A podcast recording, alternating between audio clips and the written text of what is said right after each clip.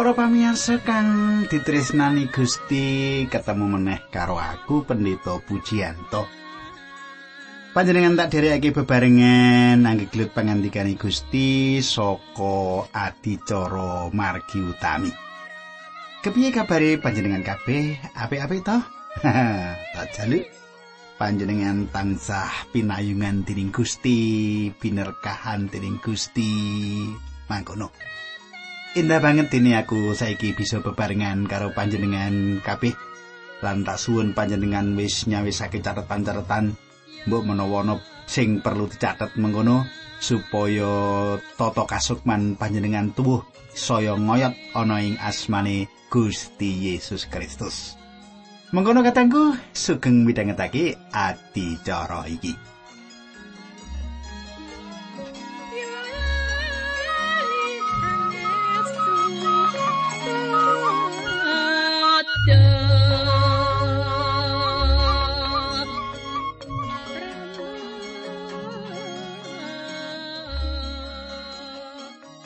Katanggu, ing adicara kepungkur menawa panjenengan isih kelingan sing ndaturake kita wis ngekilut. Yen Allah bakal berkahi kita, bakal nuwuhake tetunggilan sing indah karo panjenengani. Sauger kita padha ngakoni dosa-dosa kita marang Allah ing asmane Gusti Yesus Kristus. Mula wigati banget sowan marang Allah lelantaran Gusti Yesus saben kita padha nerak bebener ana ngarsane. Nuli kita padha ngakoni sekabing dosa kita supaya disucikake. Sadurunge tak teruske kita ndedonga dhisik. Iki aku ana layang saka Bapak iki sapa jenenge Kasiman. Pak Kasiman. Tulisan tahun 45. lisane apik ning angger-angger wong kaya aku sing wis apa kuwi wis wis mengkene iki nek maca rada klirak-kliru. Ha, Pak Kasiman, kados pundi kabaripun? Saya saya to mugi-mugi panjenengan midhangetaken sesarengan kalian kula ing manjing. Nah, monggo kita tumungkul, kita ndedonga. Duh Kanjeng Rama ing swarga kawula ngaturaken kenging panuwun menawi wekdal menika kawula saged tetunggilan malih. Kalian sedherek-sedherek kawula ingkang setya tuhu midhangetaken adicara menika. Menawi wekdal menika wonten ingkang sakit, Duh Gusti kanthi pangandikan menika panguwas paduka menika njebati kanthi makaten saged nyarasaken lumantar talinganipun. Ingkang midhangetaken sabda pangandikan paduka.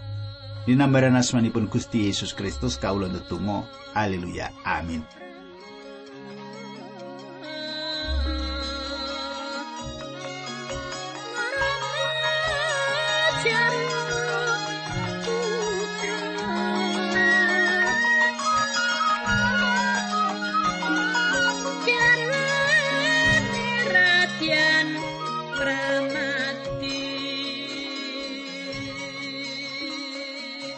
Para pamiyarsa adicara dina iki wis ngancik ing bab 20 ing kitab Bilangan. Dina iki kita ngancik bab 20 kitab Bilangan. Pasal-pasal sing ana kitab Bilangan iki bakal kita sinau. Pasal iki diwiwiti matine Miriam lan ditutup matine Imam Harun. Pasal iki akeh kabar pati. Ing pasal iki uga ngemek dosa-dosane Nabi Musa lan dosane Edom. Nanging pasal iki wigati banget jalaran ing pasal iki ngemek pungkasan pangumbarane bangsa Israel. Saiki panjenengan tak derekake nyemak wilangan 20 ayat siji. Iki basa pedinan lho ya. Nalika sasi kepisan wong Israel kabeh wis tekan segara Wedisin lan padha masang kemah ana ing Kades.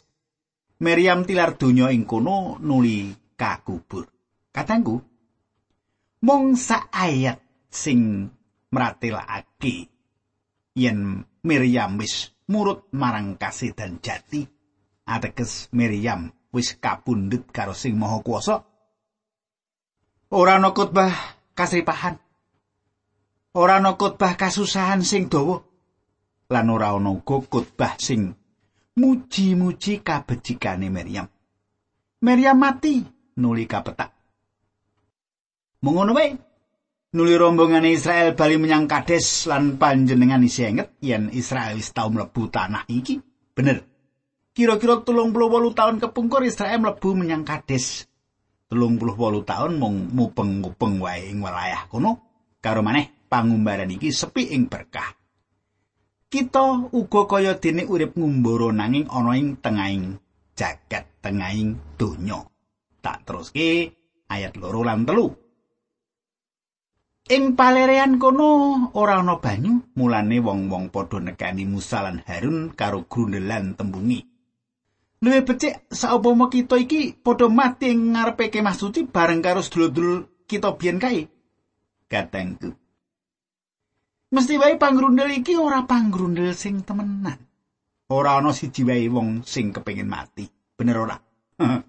mati iku ora pengalaman alami kanggo menungso.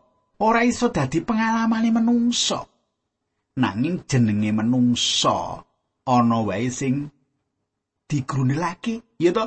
Anglo lan besengot sambat ngruntoh Lelakon iki panggrundel sing kaping pitu jalaran kahanan kurangi banyu. Panggrundel sing kaping pitu. Saiki ayat 4 dan 5. Yo kene aku kok gawa menyang pesaman kene. Apa aku kok kon mati karo kaya kayaku ana ing kene? Perule apa aku kok gawa metu saka tanah Mesir menyang panggonan sing gawe sengsara mengkene sing ora ana tandurane apa-apa, ora ana gandum, ora ana wit anjir, ora ana anggur, ora ana wit drima, malah banyu wae ora ana. Hmm. Iki panggrundele. Kadangku sawise Israel nemahi kegagalan kebak panggrundelan pas sambat manut ayat mau. Banjur bali meneh menyang Kades. Nanging gene Israel kok ora banjur pasrah lan percaya wae marang Allah.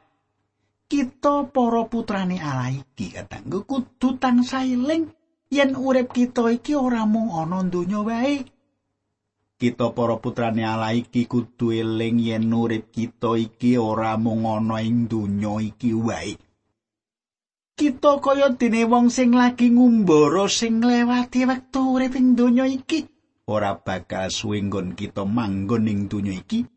Mula becike urip iki ora mung diisi panggrundelan pasambat wae. ayat 6 Musa lan Harun padha menyang kemah suci lan ngadeg sak cedhake lawange ana ing kono banjur padha sujud sumungkem cahya kamulyane pangeran nuli nyunari wong loro mau. Kadangku coba panjenengan persani meneh. Panjenengan semak maneh saben Israel duwe panggrundel angloh kaluhuran kamulyaning Allah bakal ngetingal Allah ora kepareng marang panggrundele Israel. Kahanan iki uga dadi penimbang kita supaya kita sing wis keparingan urip sing disucikake ora tansah grundel, angkloh lan besengut marang Allah. Panjenengane Allah ora rena marang kita. Panjenengan seneng grundel apa ora gitu. Mboten kok Pak, kula ora seneng grundel kok. Apa iya? ngenek khotbah Pak Puji elek digrundeli. Pak Puji kok khotbah elek to? Iya ta. Nah, saiki wilangan 20 ayat pitu. Kowe lan Harun kakangmu akono umat Israel kabeh supaya padha nglumpuk. Ayat 8 Njupu tekenmu ana ing ngarepe wong kabeh mau kowe ngucap marang gunung watu supaya metokake banyu. Srana mengkono kowe ngetokno banyu saka gunung watu kuwi kanggo ngombe umat lan raja kayane. sumitraku ana dawuh njupu tekenmu teken iku mau tekeni Imam Harun panjenengan pirsa kuwi kowe lan Harun kakangmu akono umat Israel kabeh supaya padha nglumpuk njupu tekenmu ana ing ngarepe wong kabeh mau kowe ngucapo marang gunung watu supaya metokake banyu. Kene mau ngucap marang gunung watu iku wae kok mau ngucap kok dikandani? Jalaran sawetara taun kepungkur gunung watu iku disabet nganggo teken lan metu banyune gunung watu iku mau mung disabet sepisan lho lho kok iki kok malah mung kon ngomongi Langko terus kepiye? Ayat telu tak beleni. Jupu tekenmu ana ing ngarepe wong kabeh mau kowe ngucap marang gunung watu supaya metokake banyu. Ayat 9 nganti 10. Musa nuli njupuk tekene saka kemah suci kaya sing didhawuhake dening Allah. Bareng Musa lan Harun wis nglumpukake umat kabeh ngarepe gunung watu mau, Banjur Musa kondo karo wong akeh mau rungokno. Heh wong jahat, apa aku kudu ngetokake banyu saka gunung watu iki? Kadangku kang ndak tresnani. Ora mung Israel sing grundel marang Allah nanging Nabi Musa uga rada sengol anggone ngendikan marang Israel. Nabi Musa anggone ngetokake tembung rada songol, rada kasar. wis patang puluh tahun lawase Nabi Musa mimpin bangsa Israel. Dadi Nabi Musa wis kesel atine nganti ilang kesabarane. Nganti ing ayat 10 Nabi Musa ngucap kasar marang Israel, "Rungokno he wong jahat. Apa aku kudu ngetokake banyu saka gunung watu iki?" Kadangku, pancen Nabi Musa ora sing ngetokake banyu saka gunung watu iku, dudu Musa. Gusti Allah sing nyawisake. Gusti Allah sing nyediake banyu. Israel kudu entuk panggulawentah sing wigati. Sing gambarake yen gunung watu mau gegambarane pribadi Sang Kristus. Nabi Musa duka yayah sinipi nesu nganti nindakake apa sing ora perlu ditindakake. Ya kan ditumindaki Nabi Musa ora dikeparengake mlebu tanah perjanjian. Coba panjenengan semayat 11. Musa banjur ngangkat tangane lan jojoh gunung watu mau nganggo tekene kaping pindho. Sanalika banyune metu wasana umat kabeh lan raja kayane bisa padha ngombe. Katanggu kang ndak tresnani sak benere Nabi Musa ora usah nyabet gunung watu mau. Ora susah. Pancen sadurunge lakon iki Nabi Musa wis tau nyabet kaping sepisan saka nggone ora bisa ngendhaleni atine Nabi Musa malah nyabet gunung watu kaping pindho. Nek ana pangandikan mau disudukake. Dijojohake. Ngono ya.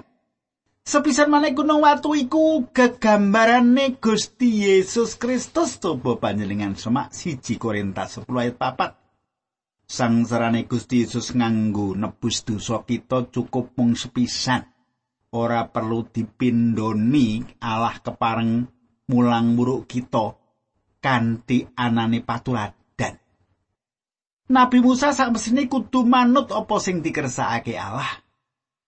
Dawi Allah pancen cetha supaya Nabi Musa mung ngucap marang gunung watu iku kondo marang gunung watu itu dawuh marang gunung watu iku supaya metu banyune. Ora sah nganggo disuduk barang ora nganggo dijojoh barang. Nabi Musa ora mbangun turut apa sing dadi dawe Allah mongko gunung watu iku lambangi gegambarane Gusti Yesus Kristus Coba panjenengan semak siji Korintus 10 ayat siji nganti papat. Para sedulur aku kepingin ngilingake kowe bab apa sing dialami dening para leluhur kita sing padha nderek Nabi Musa. Para leluhur mau padha kauban dening mega lan nyabrang segara Tebrau kanthi slamet. Ana ing sajroning mega lan ana ing sajroning segara mau para leluhur kabeh kabaptis dadi panganute Nabi Musa.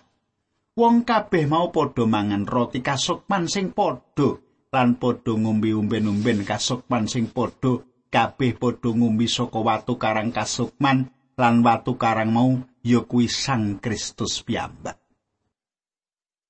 Kadangku banyu iku mbludak mubal-mubal metu saka sumbering gunung watu Dosane Nabi Musa ora ngalang-alangi metune banyu saka sumbere ayat rolas wilangan rong puluh.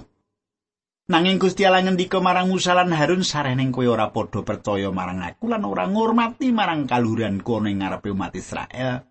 Mulane kowe ora bakal ngirit bangsa iki mlebu ing tanah sing wis ndak paringake marang umatku. Katengku Gusti Allah ngendika marang Nabi Musa lan Imam Harun, yen loro-lorone wong loro kuwi padha ora percaya marang panjenengane. Uga ora nganggep yen Allah iku suci ngarepe Israel. Malah padha nglungsur kamulyane Allah kanggo awake dhewe-dhewe. Ing prajanjian anyar dikandhake yen jalaran iku mau kabeh Nabi Musa ora bisa mlebu tanah perjanjian. Nabi Musa ngetingal nalika bebarengan karo Gusti Yesus ing Gunung Kamulyan ing sak dhuwure panggonan mau. Tanah Kanaan iku sawijining panggonan sing kanggone kita umat Kristen kanthi iman kita urip ing kono. Kanaan dudu gambarane swarga. Kita sing urip ing donya iki kaya dene urip ing tengahe ora-ora samun nanging senadan kaya mengkono kita tetep bisa ngrasakake berkah kasukman saka gambarani tanah kanaan sing luber susulan maduni iku kabeh jalaran apa? Jalaran Gusti Yesus sing wis kasalib lan wungu maneh saka pati. Cetha panjenengan? Keterangan aku iki cetha? Nek ora cetha nulis layang. Ngono ya. Gampang-gampang aneh. Telepon. Wis ngerti nomor telepone kok ora gelem telepon. Salah sapa Mboten salah kula kok Pak ora ndek telepon nulis layang to nduk ora duwe telepon. Tak teruski. Nah, bab iki kudu kita nalar kanthi percaya marang Allah lan sumende marang panjenengane. Nanging Nabi Musa lan Iman Harun ora padha bisa nindakake perkara iki. Ayat 13 bilangan 20. Yono ing tuk meribake wong Israel padha nglawan Allah sarta Allah ngetingalake kamulyane marang bangsa mau. Kadangku ora percaya marang apa sing didhawuhake Allah iku dosa sing gedhe kanggo kita. Ayat iki bisa dadi kegambaran kanggo kita nalika kita padha ora setya tuhu marang panjenengane Allah sing maha kuwasa. Ayat 14 nganti 17. Sawise lakon mau saka kades kuno Musa kongkonan wong nemoni raja Edom dikon matur. Panjenengan pirsa sepinten kasisan ingkang kesanggi dening sederek panjenengan umat Israel. Leluhuripun sami kisah dateng tanah Mesir kula sami ngantos dangu wonten ing mriku kula lan para luhur kula sami dipun aniaya dening tiyang Mesir. Usana kula sami sesambat dateng pangeran panjenenganipun miyarsakaken pesambat kula lajeng ngutus. Malaikatipun ngirit kula medal saking tanah Mesir. Samenika kula sami tumuku ing Kades kita alit ing tapel watese daerah panjenengan.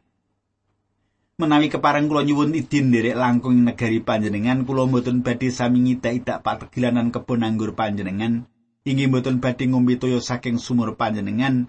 Kula badhe medal mergi ageng kemawon tanpa nyimpang ngiwol utawi nengen ngantos medal saking tapel wates daerah panjenengan. Kadangku Nabi Musa mbeberake sejarah oncate bangsa Israel saka Mesir lan njaluk idi parilah supaya bisa nrabas lewat tanah Edom. Iki sawijining panjaluk sing alus carane Edom iku sedulur lanang lan Nabi Musa ngelingake bab iki. Ayat 18 Mungkin surasane nanging wong itu mangsuli ora kena kowe lewat negaraku kini. Yen kuwi meksa bakal tak petokake nganggo pedang.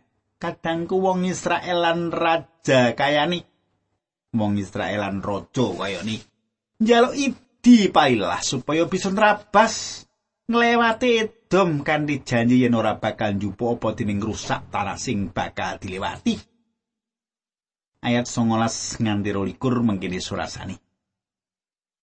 Wangsulane wong Israel kula namung badhe mlampah medal mergi ageng kemawon lan menawi kula utawi raja kaya kula ngombe ing sumur panjenengan. Kula sagah bayar menapa mestinipun nangger kula dipun parengaken langkung namung menika panyuwun kula nanging diwangsuli ora kena. Malah wong itu banjur metu nggawa wong akeh lan ngajokake tentarane pisan. Bareng wong itu ora ngolehake wong Israel lewat ing daerah kono wong Israel banjur nyimpang dalan.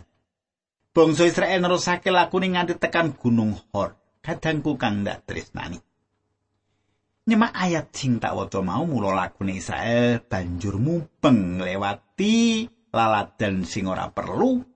Saupama itu ngidini dilewati lakune bangsa Israel, sajake Nabi Musa gawe keluputan jalaran ora ngetut buri togu mega sing diparingake Allah. Ora perlu kuwatir sebab Allah nganti terus bangsa iki. Ora perlu njaluk idin marang Edom nanging menyang endi wae parane tugu mega iku sing ditut buri lah wong sono tugu mega ala nuntun lah kok malah njaluk idi barang iki kenapa? Iki gegambarane yen mlaku ing sak ngajenge Allah. Tugu mega bakal milihake dalan ora perlu ngadepi perang karo Edom. Sepindah malah iki kegambarane yen mlaku ing sangajenge Allah sing kudune mlaku ngetut mburi marang Allah ing urip kita rak yo akeh to nindakake bab iki Gusti Allah koneng mburi awake dhewe sing manggon nang ngarep. Kliru ya. Kita ngadepi lakon tilari Imam Harun ing pungkasane pasal iki nyedihake nanging saben kedadian mesti bakal ana pituwas lan piwulang sing becik kanggo kita. Saiki ayat 13 nganti 14. Ana ing sajidake tapel watese Edom kono Gusti Allah ngendika marang Musa lan Harun, Harun arep ndak pundhut ndak klumpukake karo para leluhure mulane bakal ora mlebu negara sing wis ndak janjake marang bangsa Israel. Sebab kowe wong loro wis keluputan nerak dawuhku ing sak cedhake tuk meribah. Kadangku ing jaman iki akeh sedulur sing wis kawilujengake nanging ora bisa ngrasakake nikmate woh kawilujengan. Lan bisa katrem tentrem ing panguasane roh suci. Padha ora ngerti kepriye edine urip kanthi tetunggilan karo Sang Kristus. Senadan to kaya ngono bab kawilujengan ora perlu kita pitakokake. Imam Harun uripe kaya dini andaran ing kang tak aturake mau. Imam Harun ngadepi urip lan peladosan sing abot lawase patang puluh tahun ing ora samun nanging ora bisa ngrasakake kaya ngopo seneng lan indahe sarta ngrasakake gurihe susu lan manise madu ing kanaan. Dadi yen kita mungkur saka kapercayaan kita kita uga bakal nglakoni apa sing dilakoni dening Imam Harun. Tentu panjenengan ora bakal to mengkono kuwi. Saiki wilangan rong puluh ayat selawe nganti pitulikur Harun dan Eliasar anake ajaan munggah gunung Hor Sandangan kaimanane Harun uculana enggokno Eliasar, Harun banjur bakal ndak pundhut ana ing kono. Musa nuli nglakoni apa sing didhawuhake dening Allah, wong telu mau padha munggah ing gunung Hor. Diawasake dening wong Israel kabeh. Ayat 22 lan 29 Musa ngutuli penganggone Harun dinggokake Eliasar anake, Harun tinggal donya ing pucake gunung Hor kono. Musa Eliasar nuli mudhun saka gunung mau. Bareng weruh yen Harun tinggal donya wong Israel kabeh padha nangisi lawase petangisan nganti telung puluh dina. Kadangku, iki kedadian sing krujit atine tumrap bangsa Israel. Ing sadengah kedadian mesti ana piwulang sing dipeni kanggo kita, mula kita nduweni kewajiban tansah ngaturake syukur marang Allah.